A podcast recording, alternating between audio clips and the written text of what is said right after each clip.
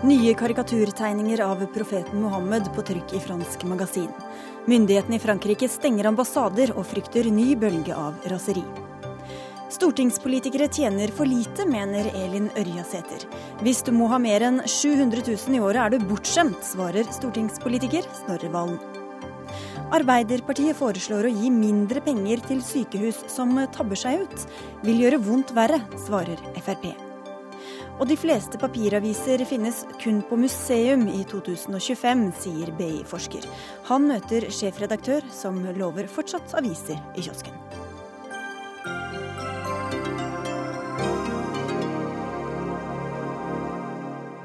Dette er eh, noen av sakene i dagens Dagsnytt 18 på P2 og NRK2, hvor vi også skal snakke om Karen Bliksen og om teater som ingen medier bryr seg om. Jeg heter Sigrid Solund. Og først skal vi til Frankrike. Det satiriske magasinet Charlie Hebdo trykker tegninger av islams profet Mohammed i dag. Dette skjer samtidig som det i flere muslimske land den siste uka har vært voldsomme demonstrasjoner mot en amerikansk produsert film hvor Mohammed latterliggjøres. Vi skal straks til Paris, men først redaksjonssjef i Morgenbladet Tove Gravdal. Hva slags tegninger er det snakk om her? Eh, jeg har faktisk ikke lykkes å finne tegningene på nettet i dag. De er godt skjult, i så fall. De finnes sikkert der ute. Men forsiden til eh, Charlie Hebdo eh, viser i hvert fall en muslim som sitter i rullestol, med en ortodoks jøde som ruller han. Og bakgrunn, altså de spiller, Satire er jo å spille på ting som skjer i samtiden, og de tar utgangspunkt i at den franske filmen til, som er nominert til Oscar for beste utenlandske film, den heter L'Intouchable, altså De urørlige.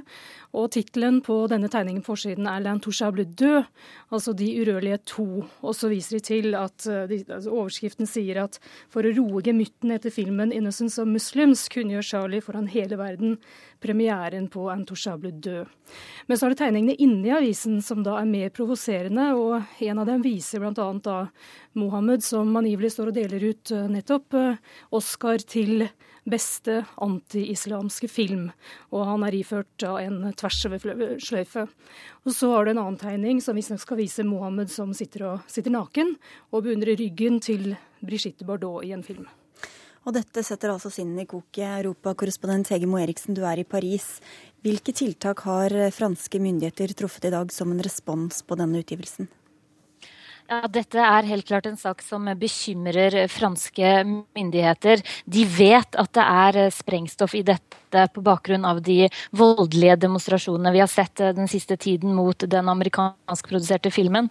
Slik at eh, utenriksminister Laurent Fabius eh, var ganske opprørt i dag. Han sa det er klart ytringsfriheten er kjerneverdien og hjørnesteinen i den republikk. Men er det lurt å trykke disse tegningene? Nei, var svaret hans på det.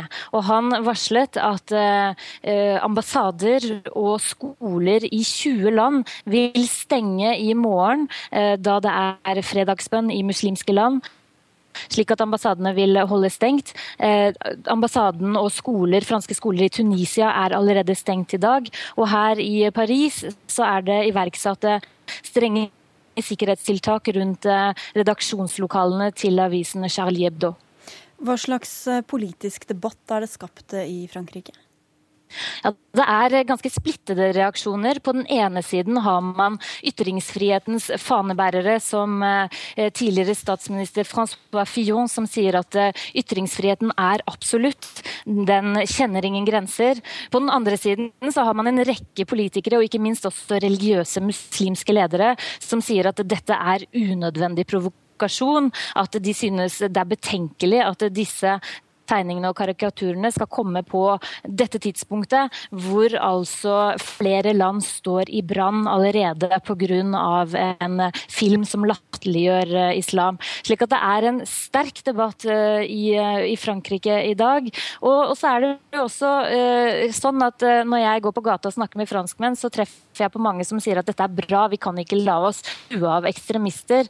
Samtidig så traff jeg nettopp på en 22 år gammel muslimsk jente som sa se på meg, jeg bærer ikke slør, jeg er moderat, jeg reiser verden rundt og er selvstendig. Men dette er å tråkke på oss selv moderate muslimer. slik at dette er en veldig sterk og polarisert debatt her i Frankrike nå. Takk skal du ha for at du var med fra Paris, Heggemo Eriksen. Tove Gravdal, hva kan du si om dette magasinet og den rollen den har i det franske offentligheten? Det har en ganske viktig rolle. Som et annet uh, satiremagasin som heter Le Canard så, så, spiller disse to en ganske stor rolle um, i å drive en type journalistikk som mange av de etablerte mediene ikke driver. Av og til er det undersøkende journalistikk og avsløringer av maktmisbruk på høyeste hold i Frankrike. Og så er det altså satire som har en lang, lang og god tradisjon i Frankrike. Og dette magasinet eller avisen har jo et opplag på ca. 75 000. I dag er er avisen revet ut allerede i morgentimene, så nå skal de trykke flere opplag. Men uh, som sagt, det har en viktig betydning i den franske offentligheten. Professor i statsvitenskap ved Universitetet i Oslo, eh, Raino Malnes. Eh, vi hører at franske myndigheter iverksetter tiltak og fordømmer tegningene. Hvor stort problem kan dette bli for Frankrike? Det er klart det er livsfarlig, det som skjer. Og eh, ikke forbausende at eh, en mann som Fabius eh, beklager at det har skjedd. Det som er litt forbausende, er at en mann som Francois Fillon, som jo er en moderat høyrepolitiker, uttaler seg såpass kategorisk til støtte for Charlie Hebdo. Nå står han midt oppe i en, en ganske hard strid om lederplassen i det største opposisjonspartiet, altså Sarkozys parti. Og han har et problem når det gjelder sin, sin anseelse på høyresiden. Altså han er en litt vassen sentrumspolitiker. Og dette er nok hans måte å markere seg som høyrepolitiker på. Og det kan nok virke som en litt uansvarlig måte å slå politisk, sak på mynt på en litt alvorlig sak på.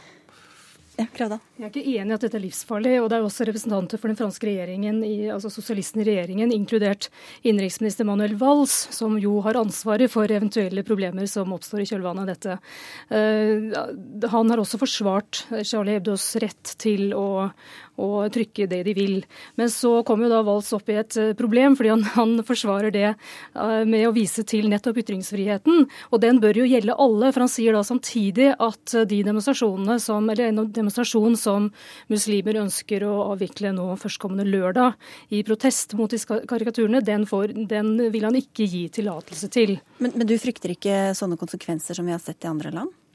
Altså, vi må jo huske på at uh, det er et svært marginalt og lite antall av de franske muslimene som, uh, som, reagerer så kraftig på dette. Ja, du hører de godt, og vi hører de godt her i Norge også, men tross alt er nesten seks millioner muslimer i Frankrike, og de aller, aller fleste av dem de aksepterer den respekten for ytringsfriheten og den sekulære tradisjonen som er så sterk i Frankrike. Dette tror jeg er naivt. Jeg tror ikke nødvendigvis slik at uh, franskmenn vil måtte bøte med livet, men at liv blir satt på spill, det tror jeg er ganske åpenbart. Det er en stor risiko forbundet med dette her. Hvilke, si spill, at, eller hvilke situasjoner kan oppstå da? Ja, Det kan skje det samme som har skjedd med amerikanske diplomater, f.eks. Eh, og eh, det kan skje det samme med franske diplomater. Det som er problemet, er vel at altså ytrings, man er i sin fulle rett når man publiserer slike ting. Ytringsfriheten er til både for å beskytte verdifulle og verdiløse ytringer. Disse ytringene her er nok jeg, i all hovedsak motivert av rene kommersielle eh, hensyn. Dette er en måte å, å få lesere på og, og, og, skaffe seg inntekter på. Jeg tror ikke dette er noen eh, jeg tror ikke det er noen særlig edle motiver her. Men ytringsfriheten er ikke til bare for å beskytte edle ytringer, også for å beskytte det som er litt mer tvilsomt. På den andre siden så at ytringsfriheten er absolutt, og at man er i fulle rett når man bruker den, er ikke det samme som å si at det er riktig å ytre seg i hvilken som helst på hvilken som helst måte i hvilken som helst situasjon.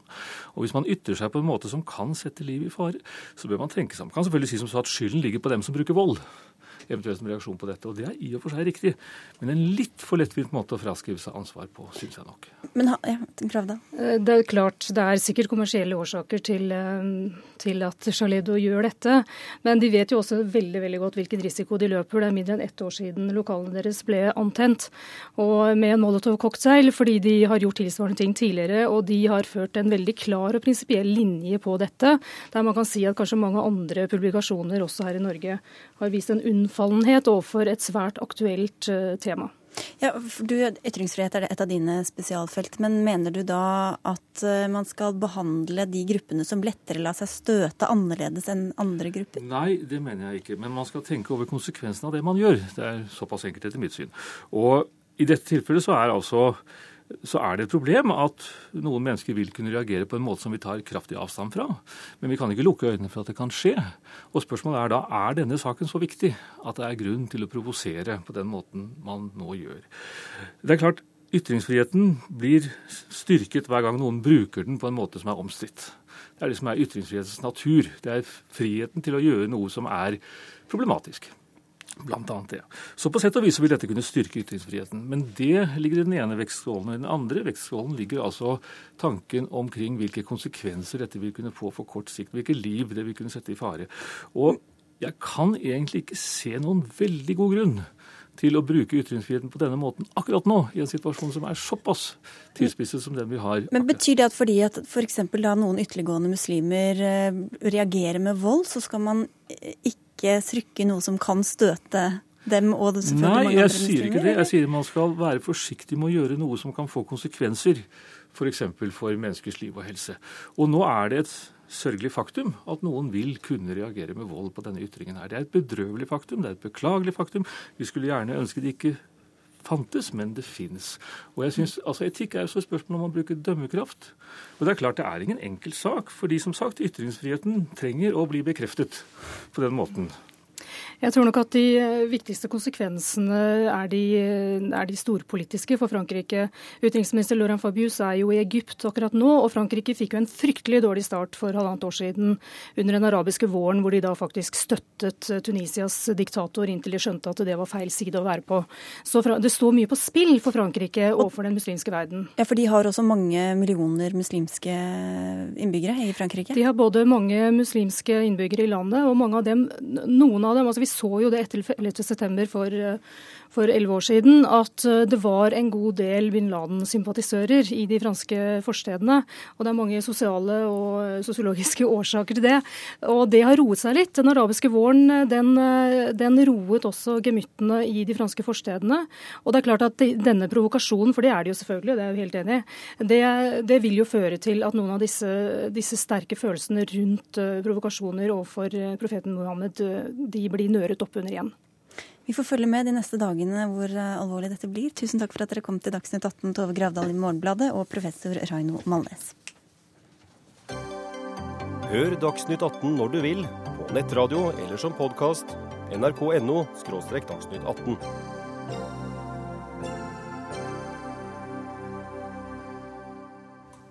Ekspolitikerne Eivind Reiten og Sigurd Grytten frykter hjerneflukt fra Stortinget til det private næringsliv pga. Eh, lave stortingslønninger. Det kan vi lese i Klassekampen i dag, og de får støtte av deg, eh, blogger i Nettavisen Elin Ørjasæter. Hvorfor bør folkevalgte tjene mer enn 777 000 som de får i dag? Fordi det er veldig synd hvis vi mister noen gode politikere pga. lønn. Det er klart at politikere er som andre mennesker. De eh, ser på totalpakka i en jobb. Altså arbeidstid, pendling, lønn, eh, karrieremuligheter. Og da tror jeg rett og slett at lønna er for lav for noen av de vi burde beholdt i politikken. Hva burde de tjene? Christian Tybring-Gjedde har et eh, morsomt forslag i Finansavisen i dag. Eh, han ønsker jo at de skal få det de hadde før de kom på tinget, når de kom på tinget, pluss 150 000, pluss noe for utdanning. Uh, og det er et litt sånn eksperimentelt og annerledes forslag. Uh, han har da et forslag på en topplønn på 1,2 Eh, han sier ikke noe om et gulv i det forslaget, men jeg syns absolutt det bør være et gulv. Fordi jeg syns at 733, eh, mindre enn det bør det ikke være. Uansett hva du jobbet med før du kom på tinget. Men, eh, men jeg tror vi må begynne å se på alternativer til den løsningen vi har i dag, hvor alle tjener det samme. Stortingsrepresentant for SV Snorre Valen, du er en av disse som tjener eh, nesten 800 000 kroner for å sitte på Stortinget, og mener at verken du eller kollegaene dine fortjener mer. Hvorfor ikke? Nei, vi i SV mener jo at man fortjener litt mindre, for vi har jo stemt mot de siste lønnsøkningene. Og Dessuten så betaler vi mellom 5000 og 6000 kroner hver måned i, i, skatt til vårt eget parti uh, for å holde den utviklingen her i sjakk. Jeg syns, jeg syns denne debatten er bare preg av at den er dominert av mennesker i Oslo som ikke syns 777 000 kroner er veldig mye. Men det er det. Mm. Det, er mer, det er mer enn dobbelt så mye som det jeg tjente før jeg kom inn på Stortinget. Eh, for veldig mange mennesker er det veldig mye penger. Eh, og nå begynner jeg å bli litt lei av de debattene om hvor hardt og vondt og vanskelig det er å sitte på Stortinget. Det er fett å sitte på Stortinget. Vi kjenner godt. Vi har en fantastisk privilegert jobb. Og det at noen velger å gi seg istedenfor å sitte i 20 år, det er en bra ting. At politikere går ut av Stortinget, ser litt utafor tunnelen igjen, møter vanlige folk og lever et vanlig liv, og så kan komme tilbake, det er nærmere det demokratiet syns vi skal ha. Hvordan vet du at folk ikke enten kommer inn på Stortinget eller slutter pga. lønna Ressetter? Det er jo noe man snakker mye om i noen miljøer. Det har vært et eh, problem i noen partier lenge, som Sigurd Grutten sier. Det har vært et problem for Høyre lenge. Men jeg eh, syns at vi skal komme litt vekk fra den der diskusjonen om det mer sånn moralske hva man bør tjene. Jeg syns vi skal ha et helt pragmatisk forhold til dette. Og så se eh, Får vi de politikerne vi ønsker å ha, er det særlig heldig for f.eks. Eh, Fremskrittspartiet at Kjetil Solvik-Olsen trekker seg nå? Jeg syns det er kjempesynd. Men han sier jo at det skyldes familien? Eh, selvfølgelig, og det er det eh, vi er tilbake til med totalpakka, som gjelder alle. Det er aldri bare lønn som gjør at du tar en jobb eller slutter en, en jobb. Det er en sånn, og Jeg har jo jobbet som hodejeger og har sittet i disse diskusjonene med folk mange ganger om de bør ta en jobb eller ikke, og bli eller slutte. Og det er alltid et sånn sammensatt bilde. Og det er klart at du syns det er fantastisk å sitte på Stortinget med den lønna du har i din alder. Det ville alle på din alder synes. Mm. Og jeg er redd for det å sitte på tinget kommer til å bli et sånt lite klekkeri for unge, flinke folk som deg, som så siden går til PR-bransjen og tjener dobbelt så mye. Mm. Det er ikke bra for politikken. Men det er ikke mange 50-åringer heller som tjener mer enn 777 000. Det er fortsatt fryktelig mye penger uansett hvilken alder du har. Og jeg er helt enig med Øresæter at dette handler ikke om moral. Dette handler om at når du er politiker, så representerer du mennesker. Jeg har 12 855 velgere i Sør-Trøndelag. De tilhører helt Fortsatt? Ja. Eh, det er hvert fjerde år som teller. De tilhører helt andre samfunnslag enn de som f.eks. har stemt på Nikolai Astrup. Det er ikke tilfeldig at SVs stortingsgruppe før de kom inn på Stortinget, kjente minst av partiene på Stortinget. Så en, altså Det eneste gode med forslaget fra Tybring-Gjedde er at det vil synliggjøre hva slags samfunnslag de ulike partiene representerer. Men jeg er veldig for at unge mennesker sitter på Stortinget et problem, en debatt hvor du skal gjøre det enda mer lukrativt, enda mer privilegert sitt på Stortinget, er at det blir i større grad en broilerfabrikk, hvor det blir vanskeligere å ta det valget at man går ut igjen. Jeg har ikke tenkt å sitte på Stortinget i 20 år. Jeg mener at veldig mange av de politikerne som har sittet så lenge, får totalt tunnelsyn og mister kontakten med samfunnet rundt seg. Det er en bra ting at folk velger å gi seg, og istedenfor da å tillegge Ola Borten Moe og Ketil Solvik-Olsen og andre eh, en sånn økonomisk grunn til at de trekker seg, og det er det ikke, så syns jeg vi skal synes at det er en bra ting at man går inn og ut av politikken. Til mm. slutt så syns jeg det er interessant at vi først begynner å problematisere det at politikere gir seg, når det er menn som gir seg. Det er masse kvinner som ikke tar gjenvalg hele tida, men når de flinke mannfolka gir seg, så er det blitt problematisert opp og ned og i mente av kommentatorer. Vi snakker om to helt usedvanlig dyktige politikere, og det er en ulykke, ulykke for begge de to partiene at eh, de to trekker seg. Men nå er ingen av dem her, da, så vi kan ikke tillegge dem noen andre grunner til å trekke seg enn det de har vært. Men du snakket om eh, folk i Oslo. Eh, vi skal få inn en fra Bergen. Frank Aarebrot, professor i sammenlignende politikk ved universitetet der. Du mener det ikke er betalingen som er problemet. Hva må til for å bevare de flinke folka på Stortinget, tror du? Gjedde sitt forslag er jo ganske interessant, for det er jo et slags forslag. Vi må jo huske at mennesker i ulik livssituasjon før de blir politikere, har jo også utgifter. Utgifter til huslån osv. som da gjør at de har en livsstil som tilsvarer forskjellige inntekter. Det kan ikke være slik at noen må selge huset sitt for å komme på Stortinget. Så, så det er verdt å se på. Men jeg tror på en måte den diskusjonen om lønn likevel er et sidespor. fordi at det er veldig vanskelig å få den på en måte, Jeg kan vanskelig se at Stortinget vil gjøre noe annet enn å ha en lik lønn for representantene, eh, sånn som jeg forstår norsk politikk. Men det jeg tror vi burde være det, tanker på, for jeg er helt enig med Ørjasæter i to ting at dette er en kompleks prosess. Og at det er for så vidt veldig fint at mange stortingsrepresentanter burde slutte eh, oftere. Men det er et veldig problem når du har to politikere som deres partiledere åpenbart har satset på, og som hele verden kan se er åpenbare politiske talenter.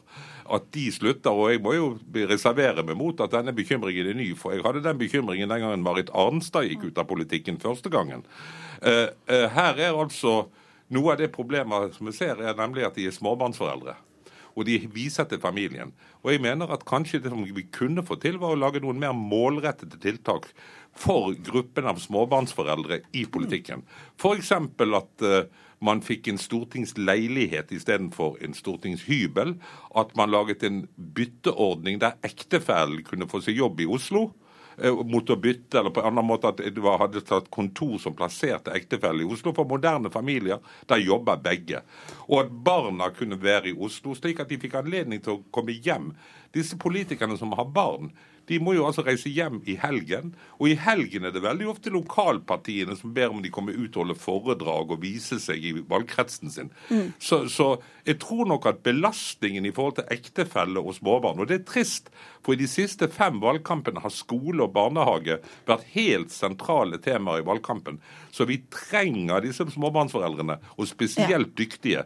Så jeg mener at målrettede tiltak ville være en bedre vei å begynne enn å begynne å snakke om lønn. Der, snakket, der svarte du på mye på en gang, Orbrot. Vi får, må snart avslutte med Snorre Valen. Hva syns du om disse tiltakene her? Da? Gjør det enda mer lukrativt? Nei, jeg syns Orbrot er inne på noe, men, men, det aller meste som er av utfordringer for småbarnsforeldre f.eks., kan, jo, kan jo Stortinget gjøre noe med selv. En av de tingene som skiller Stortinget fra veldig mange andre parlamenter, er at vi har votering etter stortingsmøtet.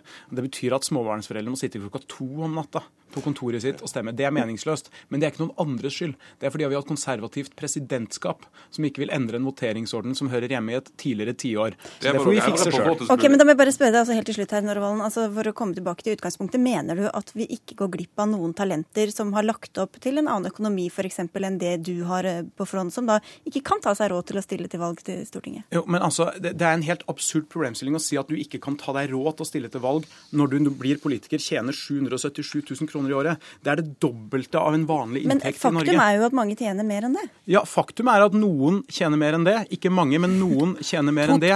Men man har, man har ikke krav på millionlønn for å være folkevalgt. Det er en ære og et privilegium å representere folk i nasjonalforsamlinga, og 777 000 er en lønn som de fleste vanlige sykepleiere og helsearbeidere og lærere i Norge bare kan drømme om. Okay. Og Det er de vi skal representere, og ikke fiffen som tjener over millionen. Nei, vet du hva, jeg tror bare Han får siste ordet. Du prater jo som en foss. Takk, Ellen. Det, det gjør dere alle tre. ja. Men igjen, totalpakka. Tid er penger for småbarnsforeldre. Tjener du bedre, så kan du kjøpe deg løsninger. Og det er mye bedre at det overlates til den enkelte, enn at dere skal begynne med noen sånne kollektive løsninger på Stortinget. Men eh, OK Det er jo privatiseringsdebatt her òg! og sånn som meningsmålingene ligger an, så kan det hende at du blir nødt til å søke deg andre jobber uansett, Snorre Ja, da får jeg leve et vanlig liv igjen. Men ett år før forrige valg så lå vi bedre an enn vi, enn vi trodde. Så det kan snu. Alt snur i politikken på et år. Takk skal du ha, Snorre Valen fra SV, og Frank Aarebrot med fra Bergen, og ikke minst Elin Ørjasæter. Thank you. Papiravisene mister lesere, mens flere går over til nett og mobil. Tendensen har vart en del år og blir bekreftet av nye tall som ble presentert på Mediebedriftenes Landsforenings årskonferanse i dag. Og I Klassekampen i dag eh, kunne vi lese en eh, dyster spådom om avisas død innen 2025. Eh, Eller i hvert fall alvorlig sykdom. Erik Wilberg, førsteamanuensis og medieforsker ved Handelshøyskolen BI. Hva bygger du disse fremtidsutsiktene på? Ja, det bygger jeg på bare opplagstallene for avisene avisene. Og det forløpet som har vært eh, med samlet opplag i Norge siden 1983 og fram til 2011, så hvis du tar den linjen og forlenger sånn som, sånn som historien har vært, bare på papir, så kommer det bildet fram at uh, før eller siden så må det jo ta slutt. Og det er sånn i, om en 10-15 år. Ja, hvordan tror du avismarkedet ser ut da? Det er helt annerledes. fordi Vi har jo fått elektroniske medier som overtar mer og mer, og som faktisk for oss som har vært i bransjen en stund, ser kommer raskere og raskere. Og, og yngre folk tar til seg elektroniske medier, mens eh, vi litt opp i årene vi fortsetter med avis. Men eh, det, det tærer også litt på ressursene der. Hilde Haugsi er sjefredaktør i Aftenposten. Deler du analysen? Eh, jeg deler den i hovedtrekk, i den forstand at papiravisen kommer til å fortsette å falle i opplag, og at noen papiraviser kommer til å dø om ikke så altfor mange år. Men det er, en avis er ikke en avis. Det er eh, stor forskjell på Morgenbladet, VG og Aftenposten. Både i hvem man henvender seg til, hvor ofte vi kommer, eh, hva vi skriver om, og hvordan vi er finansiert, om hvordan vi kommer til folk. Og Nå er det snakk om 2025. Hvilke aviser overlever til da, tror du? Nei, det tør jeg ikke spå. Det er vanskelig å spå især om fremtiden. Og hvis man eh, driver mye med fremtidsforskning, så er man ofte litt opphengt i hvordan det er i dag, og så liksom forlenger man de linjene og analyserer dem. Vi må være opptatt av hvordan det skal bli i morgen. Og da må vi ta hensyn til at lesemønstrene endrer seg. Vi ser jo på Aftenpostens tall f.eks. nå at de øker både lørdag, og lesningen av A-magasinet øker. Og så synker de hverdagene. Mm. Folk, eh, jeg tror at papiravisen, gode papirprodukter, vil leve lenger i helgen enn de vil i hverdagene. Men først og fremst så må vi jo være opptatt av å føre den gode og vesentlige journalistikken videre over i digitale kanaler. Altså Det viktige, viktigste er jo ikke hvilken plattform det kommer på, Nei. men hva plattformene inneholder. Men tror du, eller Hvor mange tro, aviser tror du da overlever til 2025? Nei, det er som Hilde sier, at dette bildet er jo veldig nyansert. Altså, eh, Kommentaraviser har jo faktisk hatt opplagsvekst nå i ganske mange år. Både Morgenblad og Klassekampen har jo hatt det. Dagens Næringsliv har jo også hatt opplagsvekst. Men, eh, men VG, VG, og Dagbladet har jo hatt et stort opplagsfall. og Det er jo fordi at de leserne har flyttet seg over på mobile plattformer og på, på nettet. Men så har vi aviser som Aftenposten og, de større regionavisene som opplever kanskje litt større opplagsnedgang nå.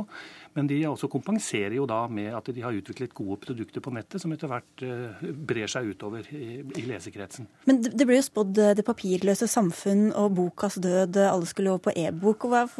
Det har jo ikke gått den veien. Hvorfor skal det gå så annerledes med papiravisene da? Nei, det gjør nok ikke det. Men altså, det er jo en helt klar tendens både nasjonalt og internasjonalt at elektroniske medier vokser fram. og med konvergens og det vi kaller for opprivende medier. Eh, teknologien forandrer alt. For to og et halvt år siden hadde vi jo ikke iPad. Nå har vi det. Og det har jo liksom kommet i allmenn bruk. Eh, mobiltelefonbruk på nyheter har jo kommet veldig kraftig. Og, og, dette er jo bare en tendens som vi, vi, fortsetter. Så behovet for nyheter og oppdatering kommer jo ikke til å forandre seg med, i det hele tatt. Men det er bare det at det kommer på andre plattformer. Og Hva blir det igjen til papiravisene da, Høgser? Nei, det eh, får vi nå se, holdt jeg på å si. Er, man bruker det jo i helt forskjellige situasjoner. Eh, mobilen eh, med sin lille skjerm den eh, egner seg jo til å lese nyheter og siste nytt. Eh, du kan ikke der gi den redigerte, utvalgte pakken som vi kan gi en papiravis, og som vi kan gi på en større digital plattform. Eh, du kan heller ikke lene deg tilbake på søndagen og føle freden synke innover deg og fordype deg i et eller annet tema på en mobil en mobiltelefon. Så først og fremst så for oss som mediehus så handler det om å skjønne de nye medievanene.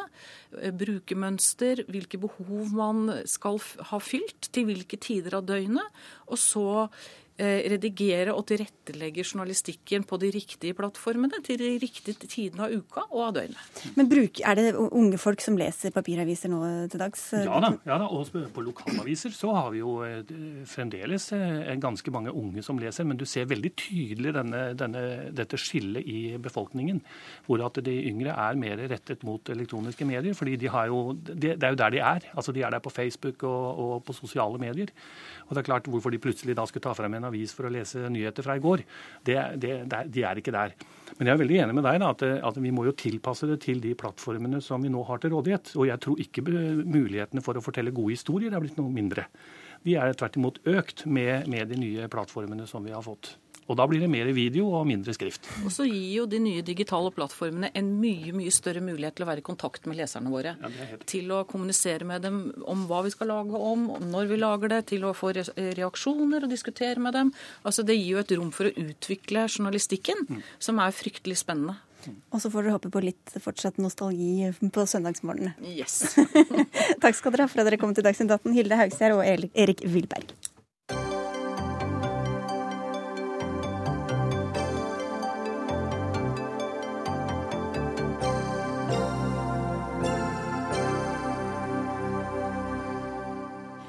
Arbeiderpartiet truer med pisken mot dårlige sykehus. For nå åpner partiet for å gi mindre penger til sykehus som tabber seg ut og skader pasientene.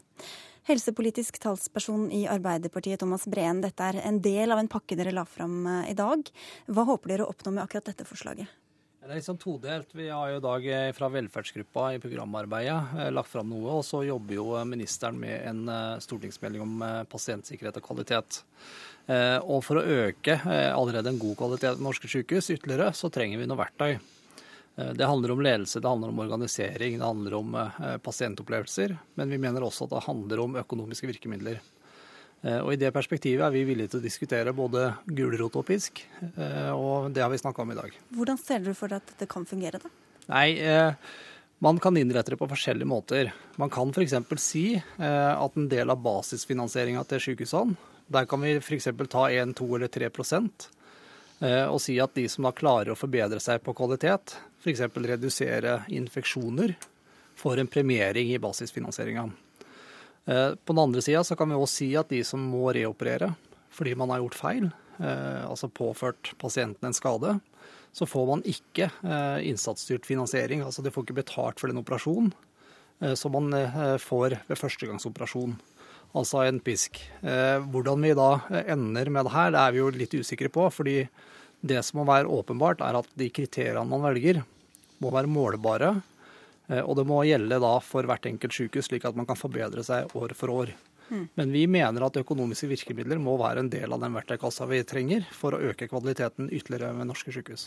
Men det mener vel ikke du, Per Arne Olsen, nestleder i Fremskrittspartiet. Hva, hva, tror du dette forslaget kan føre til? Jeg tror det, men økonomiske virkemidler kan jo være å bruke mer penger òg. Ja, men nå, nå var det sanksjonene, da. Ja, og legge merke til at det, det, er da noe man ikke ønsker å ha i verktøykassa. Jeg tror jo at og er ganske overbevist om at veldig mye av det vi ser, også er et resultat av lite ressurser. Sykepleiere som flyr beina av seg, leger som eh, jobber for mye osv. Eh, fordi det er knapphet på ressurser. Og da gjøre, eh, gi de enda færre ressurser tror ikke jeg er løsningen, snarere tvert imot. Jeg tror vi skal klare å ha to tanker i hodet samtidig.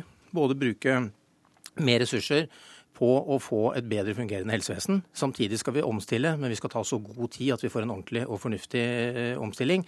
Men å straffe sykehus fordi de f.eks. har stor infeksjonsfare, når vi vet at det kan være manglende renhold, noe som kuttes pga. lite penger i sykehusene, når vi vet at større avdelinger har mer infeksjonsfare enn mindre, samtidig det er en ønska politikk fra regjeringen å ha store, store sykehus og store avdelinger, ja da syns jeg det er eh, dårlig politikk og dårlig medisin å straffe de. Vondt verre, Breen? Altså det som er Utgangspunktet eh, er at for mange pasienter opplever skade som følge av behandling man har fått ved sykehus. Eh, og de aller fleste av de skadene eh, man ser, kunne vært unngått.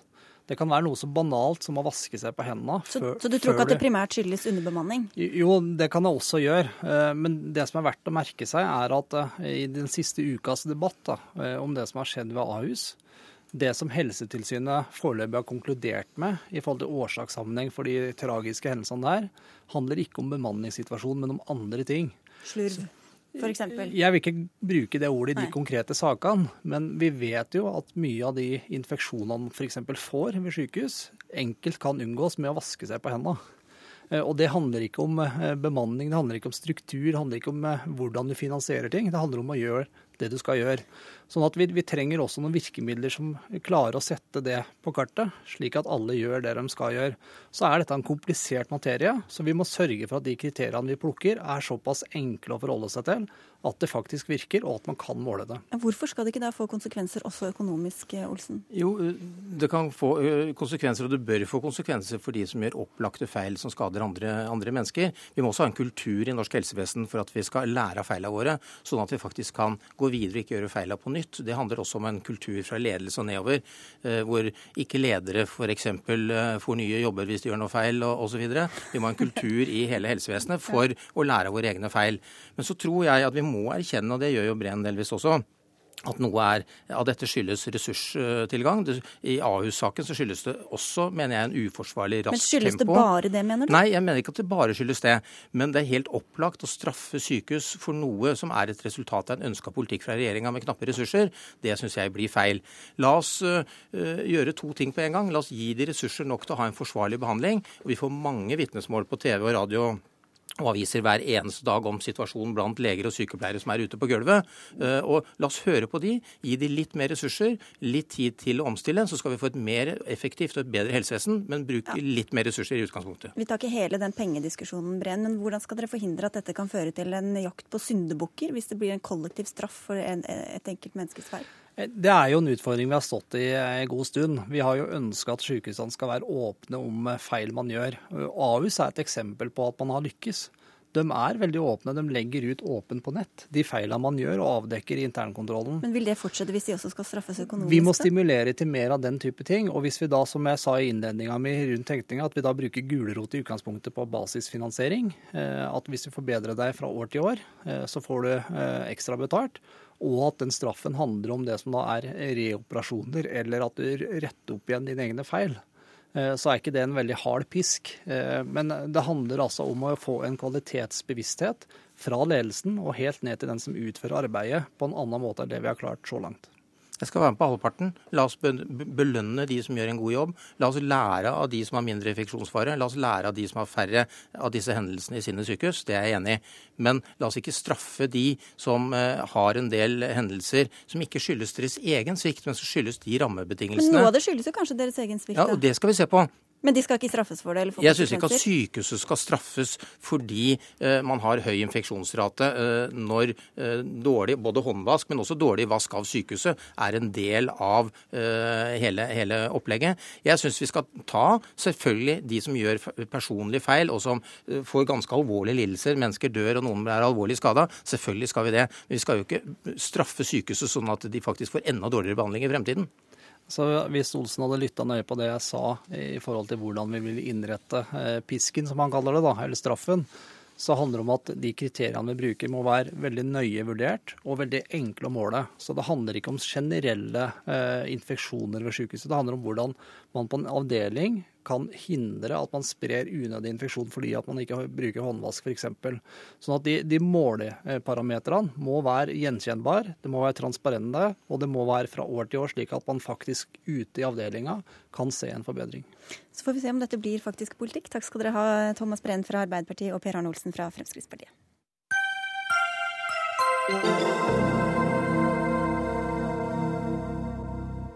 Nå kom det akkurat inn beskjed om at arbeidsminister Hanne Bjurstrøm griper inn i konflikten ved de private sykehjemmene mellom eh, NHO Service og Fagforbundet. 13 private sykehjem har vært rammet av streiken, og etter planen skulle nesten 1500 organiserte i Fagforbundet i Oslo kommune ut i sympati, sympatistreik i morgen. Men nå blir de i stedet tvungen lønnsnemnd. Arbeidsminister Hanne Bjurstrøm, du kom akkurat ut fra møtet med, med partene. Hvorfor griper du inn nå?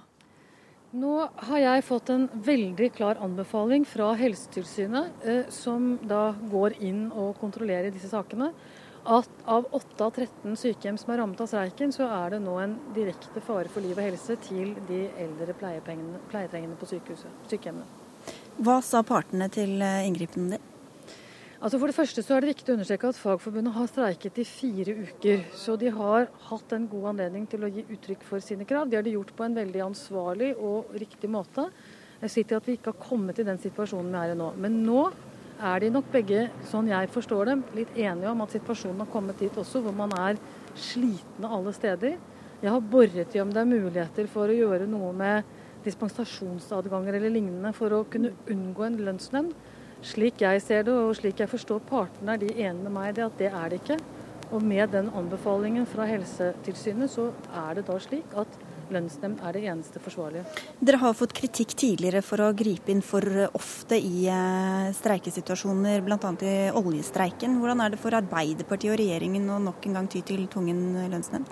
Tvungen lønnsnemnd er aldri en god løsning, men det er av og til en nødvendig løsning. Og det er ikke slik at vi har mange lønnsnemnder i Norge hvis man ser over tid. Men det har vært denne våren og sommeren har det vært eh, tre. Og det er eh, selvfølgelig ikke noe jeg gjør med lett hjerte. Hver situasjon har hatt en egen selvstendig begrunnelse.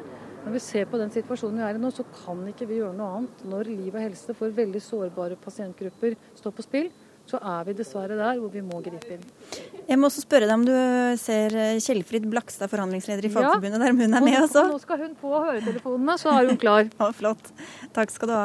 Ja, Kjellfrid Blakstad, hva synes du om at arbeidsministeren kalte dere inn eh, i dag? Eh, vi synes det er beklagelig at regjeringa må gå til det skritt å uh, ha en tvungen lønnsnemnd. Men var det fare for liv og helse?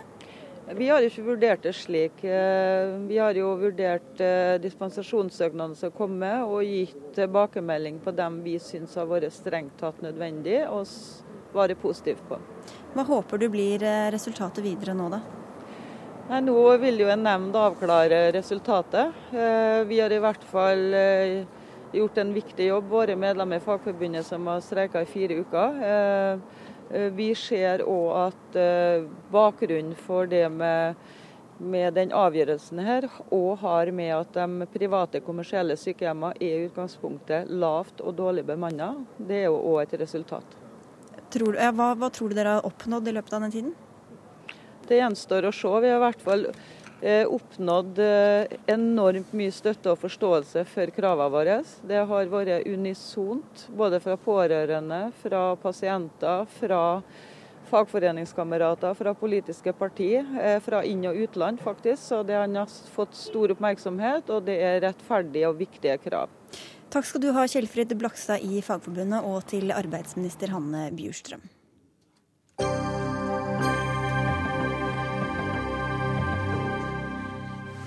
Under årets eh, Ultima-festival gikk forestillingen eh, 'Korrupsjonens engel' for fulle hus ved Black Box teater i Oslo. Likevel har eh, medieoppmerksomheten rundt stykket uteblitt. Et forsøk på å forklare det kan vi lese i Aftenposten i dag. Avisene har ikke lenger noen kulturredaktører annet enn i navnet. Funksjonen er død. Det er du som skriver dette, en av forfatterne bak stykket, Øyvind Berg. Du er med oss på telefon fra Sarajevo. Hvordan belegger du denne påstanden? Nei, Først så må jeg få lov til å si at vi forstår godt medier må prioritere. Og det er jo først og fremst det vi ber dem om å gjøre. Og etter så må jeg i forkant også si at vi ber ikke om god kritikk, vi ber om kritikk. Altså det samme som vi nå ironisk nok yter massemediene i ettertid. Og så kommer jeg til saken, nemlig. Når noe så sjeldent som en ung norsk operaregissør med flere suksesser fra tyske scener kobler til seg en veteran og en forfatter som gjennom 25 år er blitt spilt på nesten 200 scener over hele verden. Når disse to får med seg to av Norges beste skuespillere, musikere av stjerneklasse, en topp scenograf osv., og, og dette helt splitter nye ensemblet sender ut invitasjoner til pressen, hvor det helt klart framgår at vi vil by på noe så sjeldent som en forestilling om det moderne finanslivet.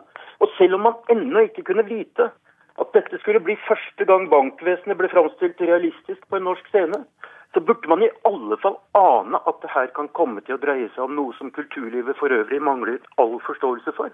Og når man ser alt dette, og likevel velger å ikke dekke begivenheten, da skal man være en rimelig fraværende kulturredaktør. Du er ikke kulturredaktør, Inger Merete Dobbelstad, men du er teateranmelder og kulturjournalist i Dagbladet. Har dere forsømt dere? Eh, det syns jeg ikke, eh, og jeg reagerer jo litt på språkbruken i dette innlegget, som jeg syns er interessant. Her skriver jo eh, Øyvind Berg og Susanne Øglen at de norske massemediene valgte i samlet flokk å sensurere vår kritikk. Og da lurer jeg på om de kanskje forveksler sensur med redigering. Eh, som avis er vi i den situasjonen at vi har begrensede ressurser, vi har begrenset spalteplass, vi har begrensede budsjetter.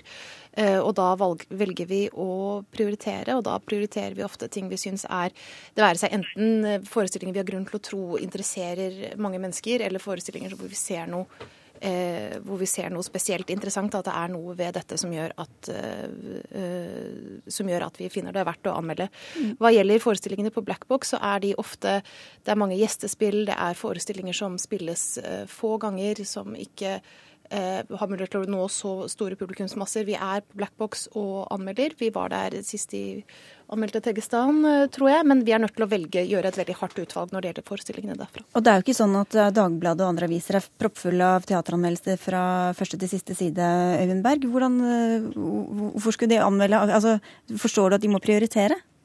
Det har jeg jo allerede gitt uttrykk for.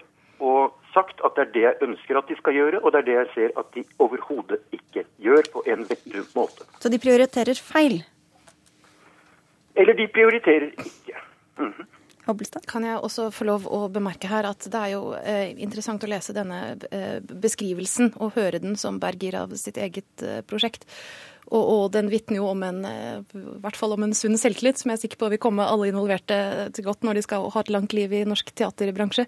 Eh, det var ikke gjort noen store forsøk på å nå oss med noen overbevisende forklaring på hvorfor dette skulle være så banebrytende før, uh, før premieren. Uh, Dere hørte ikke noe fra dem? Nei, altså Jeg og min kollega gikk nå gjennom eh, innboksene våre og så på mailene vi har fått fra Blackbox og, og fra produksjonsselskapet nå tidligere i dag. Og vi fant en pressemelding, selvfølgelig, ordelagt i positive, altså med positive ordelag om deres eget prosjekt. Den var ikke så ulik fryktelig mange andre pressemeldinger vi får. Eh, den så ut som noe som ville interessere vår operaanmelder mer enn eh, oss som har teater som, eh, som spesialfelt. Og om de, om de, kommer der at de nærmer seg eh, premiere og ikke har hørt noe, ikke har vært noen anmeldere som har reservert plass, så går det an å ta en telefon, høre hvorfor ikke. Eh, hvis de syns at vi hadde en feil oppfatning av forestillingen, så kan de komme med nye begrunnelser. Så ville vi nok forklart dem hvorfor vi valgte som vi gjør. Vi prøver å ta dere litt, mer, litt utover akkurat dette stykket også. Jon Refstad du er sjef ved Blackbox og sto bak dette stykket. Men hvor representativt mener du det de har opplevd, eller det dere har opplevd her, er ellers? Altså, Øyvind Berg peker jo på noe vi opplever egentlig til stadighet, som vi egentlig er vant til. og som kanskje vi er mer vant til enn det Øyvind Berg er, eh, gitt hans uh, posisjon som forfatter. Ja, kanskje. Ja, jeg vet ikke. Men altså, uansett, vi, vi, er vant til dette her. Vi får sjelden anmeldelser eh, i de store avisene eller i massemedia. Og det er på en måte Jeg kommer jo fra for så vidt massemedia selv. Eller jeg kommer jo fra media, eller jeg har jobbet som kritiker i mange år, og jeg vet at uh, Men hvem, hvem, er det sin feil, da? At, de, at, dere ikke kommer på trykk? Nei, hvem sin feil er, jeg vet ikke. Men det er vel, eh, det er vel en eh, tendens i media i det hele tatt som, som jeg, Hvis vi skal prøve å trekke perspektivene litt utover, da, så kan man, så kan man tenke at uh, at medie, medie, store mediehusene i dag på mange måter opererer med et kulturbegrep, eh, eller skaper seg sin egen kulturverden som ikke nødvendigvis eh, har så veldig mange forankringer i, i hva kulturbransjen driver med, eller hva kulturfeltet driver med. Det handler også veldig mye om at liksom, mye av formidlingstanken ikke minst i NRK, eh, på kultur, begynner å forsvinne litt. At det begynner å bli mye, mye mer fokus på nyhetssaker. Og, eh, og når, når, det blir fokus på nyhetssaker, så ender det stort sett opp i sånn krangler om eh, penger. Eh, siste, vi hadde et eksempel på det nå sist, for et par uker siden. Mm. Så, så hun ba om replikk her, så skal hun få det. Ja. Nei, det er eh, ikke slik at dersom man setter opp en forestilling, så er man eh, dermed eh, garantert eh, dekning i, i, rikspressen. Og angående vårt måte, ansvar for den eh, teaterdebatten i Norge, så må jeg si at min arbeidsgiver, altså Dagbladet, har flydd meg landet rundt til alle alle fylker har jeg vært i, tror jeg, og sett teater. Eh, og i dette innlegget så snakkes det også om et medikrati som er mer og mer antidemokratisk. Jeg tror alle vi som er opptatt av teater skal være veldig glad mediene ikke er demokratiske i så henseende. For dette er ikke kioskveltere for oss. Dette er ikke klikkvinnere. Dette er ikke saker vi selger aviser på. Vi gjør det for å holde teateroffentligheten i gang. for vi synes det er viktig med en diskusjon. Men hvordan velger dere ut hvilke stykker dere vil eh, prioritere? Det, det, er, det, mange, det er det mange kriterier for. Altså for det første så har du på en måte de store uh, oppsetningene på teaterne i hovedstaden på regionsteaterne som det er grunn til å tro vil nå mange mennesker, interessere eh, mange mennesker. Eh, så er det eh, vi prøver å finne, ta en del eh, nyskrevet norsk dramatikk fra etablerte dramatikere. Vi prøver å nå forestillinger der det er gjort interessante grep, der det er grunn til å tro at det er noe nyskapende eh, ved hva som blir gjort. Vi eh, legger vekt på en grad av profesjonalitet osv. osv. Det som nevnes her med at forestillingen tok lang tid å lage, er dessverre ikke et, et av premissene vi jobber etter. Berg, jeg hørte du ville på her. Ja, jeg syns det er svada det hun sier, og jeg syns at det overhodet ikke henger sammen med deres praksis, og ferdig med den saken. det var vel, ja, eh, Mo, du må få slippe til her. Og også når det gjelder det der at vi forveksler redigering og sensurering. Vi er ikke så dumme. Eh, Hvorfor bruker du da ordet sensur i innlegget i dag? Hva mener du med det? Eh, gjennom at vi overhodet ikke kommer til orde, så er det sensur i praksis. Men mener du da at vi burde anmelde alt? De kriterier som du nettopp nevnte, som du ønsker å arbeide etter, er de samme kriteriene som jeg også ønsker at du skal arbeide etter. Men, men, skal, men hvordan skal de da velge ut hvis eh, alt som er interessant på norsk teaterscene skal eh, bli anmeldt? Jeg har nettopp uh, gjennom mitt første innlegg her, så sa jeg noe om okay. hvem vi var, og hva vi lagde en forestilling om. Og jeg vil absolutt mene at dette burde Greit. Men Mo, eh, til slutt her, hvordan skal da mediene vite hva som rører seg på hver minste scene, og hva det faktisk inneholder, hvis dere ikke selv tar kontakt og gir dem, gjør dem oppmerksom på? Vi, for å si det sånn, vi har tatt kontakt, vi opererer helt normalt som alle andre. Det vi ikke gjør, vi lager ikke nyhetssaker på forhånd for å selge inn til media. Og det handler litt om at vi trenger, altså vi trenger ikke media i så stor grad. Det vi trenger er kritikkfunksjonen. Der er jeg helt fullstendig enig med Øyvind Berg, og det er et stort problem i Norge. Det finnes knapt nok en kvalifisert scenekunstkritikk i Norge. Uh, eller det gjør jo det, men det er, en, det, er en, det er, en, veldig liten diskurs hvis du tenker i forhold til uh, litteraturkritikk, sånne ting. Så hvordan media skal velge ut, det bør være medias oppgave. Og det er vel hele kulturformidlingstanken i media som jeg etterlyser, da. Som jeg ville håpe kanskje kommer tilbake. Eh, ikke bare fins det kompetent scenekritikk i Norge, det fins også på forskjellige nivåer. Det fins i avisene, det fins i tidsskriftene, det fins på nettet. Det er mange steder å henvende seg for folk med mye på hjertet. Takk skal dere ha for at dere var med i Dagsnytt 18. Jon Refsdal Moe ved Blackbox, Inger Merete Hombelstad i Dagbladet, og med på telefonen Øyvind Berg, forfatter og debattant.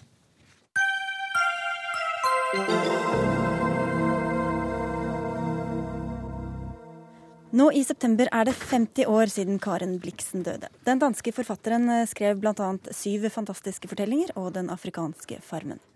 Begge bøkene er oversatt på nytt i anledning jubileet. Og Janneke Nøverland, forlagsredaktør i Gyllendal, hvorfor ville dere benytte anledningen til å gi ut disse bøkene på nytt i ny oversettelse? Vi gjør jo dette med veldig god litteratur som er oversatt for veldig lenge siden. Hele tiden, faktisk. Fordi vi tror at en ny tid trenger en ny språkdrakt. Og liksom ikke bare akkurat i dag. Men den gamle oversettelsen hadde vart i 80 år, så nå håper vi at den nye skal vare i de neste 80. Den hadde gjort sin plikt? Ja. Hva tilfører man teksten ved å gi den en ny språkdrakt? Du må jo begynne helt på nytt igjen og la den danske originalen fra eh, 1934 være der ikke sant, som underlag. Og så må du bruke dagens norske språk. Og samtidig må du passe på å ha stiltonen fra teksten. Den må for all del bevares. Men det skal bli en tekst som unge mennesker i dag skal kunne lese. Tone Selbo, du er litteraturprofessor ved Universitetet i Oslo. Du har skrevet etterordet etter ordet i denne ene nye utgivelsen 'Syv fantastiske fortellinger'. Hva gjør Karen Bliksen aktuell nå 50 år etter eh, hennes død? Selv om eh, hun tilsynelatende kan virke gammeldags ved første øyekast, og legger historiene sine tilbake i tid, til tidlig 1800-tall, så er det jo under denne litt eksotiske overflaten så er det en verden som lærer oss noe som vi ikke vet så mye om i dag. Men hun tar også opp temaer som både er evig aktuelle og høyst moderne. F.eks. så er det diskusjon om kjønnsroller, det er diskusjon om rollespill, identitetsproblematikk, kunst. Øh, osv. Og, så og dette spørsmålet 'Hvem er jeg?' det er jo både et evig aktuelt og et høyst moderne spørsmål. Og det er et spørsmål som så å si rir disse personene som en mare. Og det er de nødt til å finne ut av. Ofte så er det sånn at de må gjennom store tap og ødeleggelser før de kan nå fram til en innsikt om hvem de er. Og det er jo noe vi kan kjenne igjen i dag også. Var hun selv også en veldig sammensatt, uh, innfløkt person? Ja, det tror jeg man må si. Hun debuterte jo seint, i slutten av 40-åra, og da hadde hun drevet denne farmen i Afrika så å si på egen hånd etter at hun ble skilt fra bror Blixen. Kom hjem igjen, var alene, flyttet hjem til mor på Rungstedlund utenfor eh, København. Og debuterte da ikke med syv fantastiske fortellinger, men med Seven Gothic Tales under pseudonyme eller halvpseudonyme Isak Dinesen. Og Dinesen var jo pikenavnet, og hun debuterte altså med et brak. Dette er en av de mest oppsiktsvekkende debutene i dansk litteratur, og kanskje i nordisk litteratur. Og hun tok da dette herrenavnet Isak, som jo både vi kjenner fra bibelhistorien, og som betyr latter eller den som ler. Og så er da Dinesen pikenavnet. Øverland, eh, hvor viktig vil du si hun var eh, for å etablere kvinnelige forfattere på, på lik linje med menn? Hun er jo veldig viktig fordi at hun har en altså, veldig tydelig stemme. Eh, som ikke nødvendigvis er sånn at åh, her snakker en kvinne. Men, men, det er jo mer, som Tone sier, at hun tar opp noen emner fra en vinkel som er ny. Så det er også sånn at hun er samme generasjon som både Virginia Woolf, Cora Sandel og Sigrid Undset. Sånn at det er en gruppe kvinner i disse årene som på en måte beveger seg ut av sofakroken og ut i verden, og bruker litteraturen som et stemmeleie for å få frem kvinner. Jeg tror noe av det som forener dem også, er jo et slags opprør mot det jevne og det alminnelige og den borgerlige lykke, som kan være mye mer enn ekteskap og barn og hverdagsliv. At kvinner kan nå mye lenger enn det man har trodd. Selv om de også er høyst ulike. Og så likte hun litt galskap og humor. og... I aller høyeste grad. Hun var jo veldig opptatt av det hun kalte for fun. Altså, det er nesten uoversettelig. altså En sånn lett eh, euforisk glede. Og hun likte å erte sine omgivelser. Og det ser man jo også i disse fortellingene, hvordan hun blander ting som tilsynelatende ikke lar seg blande. Snakker om en kåt helgen og en eh, hellig prostituert osv. Så videre. så hun, og, og hun ble jo angrepet i samtiden for at det ikke var noen normale personer i disse fortellingene. Og det er vel noe som vi kanskje har større sans for og blikk for i dag. Nemlig det at hun utfordrer grensen for hva som faktisk er normalt. Men hun ga jo også ut eh, bøker i en tid eh, i et veldig spent politisk klima, der mange skrev realistisk rundt øh, om samtiden sin. Hvor mye av den samtiden hentet hun inn i sine bøker? Hun hentet den nok inn, men mer indirekte. Altså Hun utfordrer jo for så, for så, vidt samtidens vekt på både det realistiske, men også man tenkt på at dette er 30-tallet. Bare ta et navn, fornavn som Isak, f.eks. Mm. Ikke uproblematisk. Tyskerne ville ikke ha det i det hele tatt. Da, de brukte et annet navn, nemlig Tanja Blixen, da de oversatte henne. Og hun eh, utfordret jo også tanken om renhet. Her er det homoseksuelle tanter elsker sine nieser, unge kvinner vil ikke ha barn, som en av kritikerne mm. uh, angrep henne for. Sånn at uh, sånn sett så kan man si at det ligger en indirekte kritikk av samtiden. Samtiden vil ikke ha en vrøvlebok, sa hun selv. Danskene vil bare ha bøker med mening i. Men i det så ligger det ikke at bøkene hennes er meningsløse, men det ligger at hun åpner opp for en alternativ verden og for andre måter å se virkeligheten på. Vi, mange husker sikkert dette bugnende bordet fra Babettes gjestebud. Mm. Vil du si at, hun selv, at hennes litteratur også var et overflødighetshorn på et vis? Ja, den var jo det, for, og særlig novellene hvor det kommer så mange forskjellige tematikker inn, og så for veldig mange forskjellige eh, miljøer. Og så ser du jo også på henne selv at hun opptrer jo hele tiden hun er veldig opptatt av masker. Og, og kle sånn som hun kledde seg. Det er jo ikke noen bilder her, men alle som har sett bilder av eh, Karen Blixen, ser at hun er en en sjonglør med identitet både inni og utenpå. Og så ble det jo også flere filmatiseringer som vant priser ja. og fikk mye oppmerksomhet. Hvor viktig har det vært altså, for å bevare byen? Senere har jo det vært veldig viktig, men det er klart at den fantastiske filmen fra 85 med Mary Streep er jo en, en, en søtbombe. Av Midt-Afrika? Ja, ja, av, av den virkelige historien var nok ganske mye barskere. Ja, og det er jo ikke først og fremst en filmatisering av den afrikanske far, men det er en, en slags uh, fiksjonalisering av livet i Afrika. Men den en, hadde enorm betydning når det gjaldt å sette henne på dagsordenen igjen. Mm. Bøkene begynte jo å selge igjen, man ble oppmerksom på henne. Så sånn sett så tror jeg vi bare skal takke og bukke. Du vil vel som redaktør anbefale alle å gå og kjøpe disse bøkene, men hvem håper du først og fremst å nå gjennom disse nye relanseringene? Nei, Jeg håper å nå noen unge lesere, fordi at eh, liksom kvinnelitteratur ble, har av mange blitt definert som noe litt sånn realistisk og litt kjedelig, men Karen Blixen er så langt fra kjedelig som du kan komme. Det vil du skrive under på? absolutt. absolutt. Det er veldig mye humor der. Og selv om man ikke forstår alt, så kan man jo bare legge seg på minnet hennes egne ord om at det er ikke noen dårlig egenskap ved en fortelling at man bare forstår halvparten av den. Mm. Så hun gir leserne noe å tenke på. Hva kan tilføre unge kvinner da, tror dere? Altså litt galskap, tenker jeg. Mm. Og altså, denne Afrika-historien òg, hvor hun på en måte er på jakt, er dyrker, jo, er ute, liksom. Utsetter seg for alt som menn utsatte seg for. Det er jo en utfordring i dag, det òg. Og at hun eh, tør å utfordre grensene for hva kvinner kan gjøre, og hva de tør å forestille seg at de kan gjøre. Og så trenger man ikke føle seg så dum hvis man ikke skjønner alt som står der. Absolutt ikke. Det er masse referanser til verdenslitteraturen og til det ene og det andre. Men eh, man kan godt lese dem som spennende historier, og som historier som setter etter noen spørsmål som vi må tenke på etterpå. Takk skal dere ha, forlegger i Gyldendal Janniken Øverland og Tone Selbo, litteraturprofessor. Dagsnytt 18 er over for i dag. Ansvarlig for sendingen var Siri Storstein Hytten.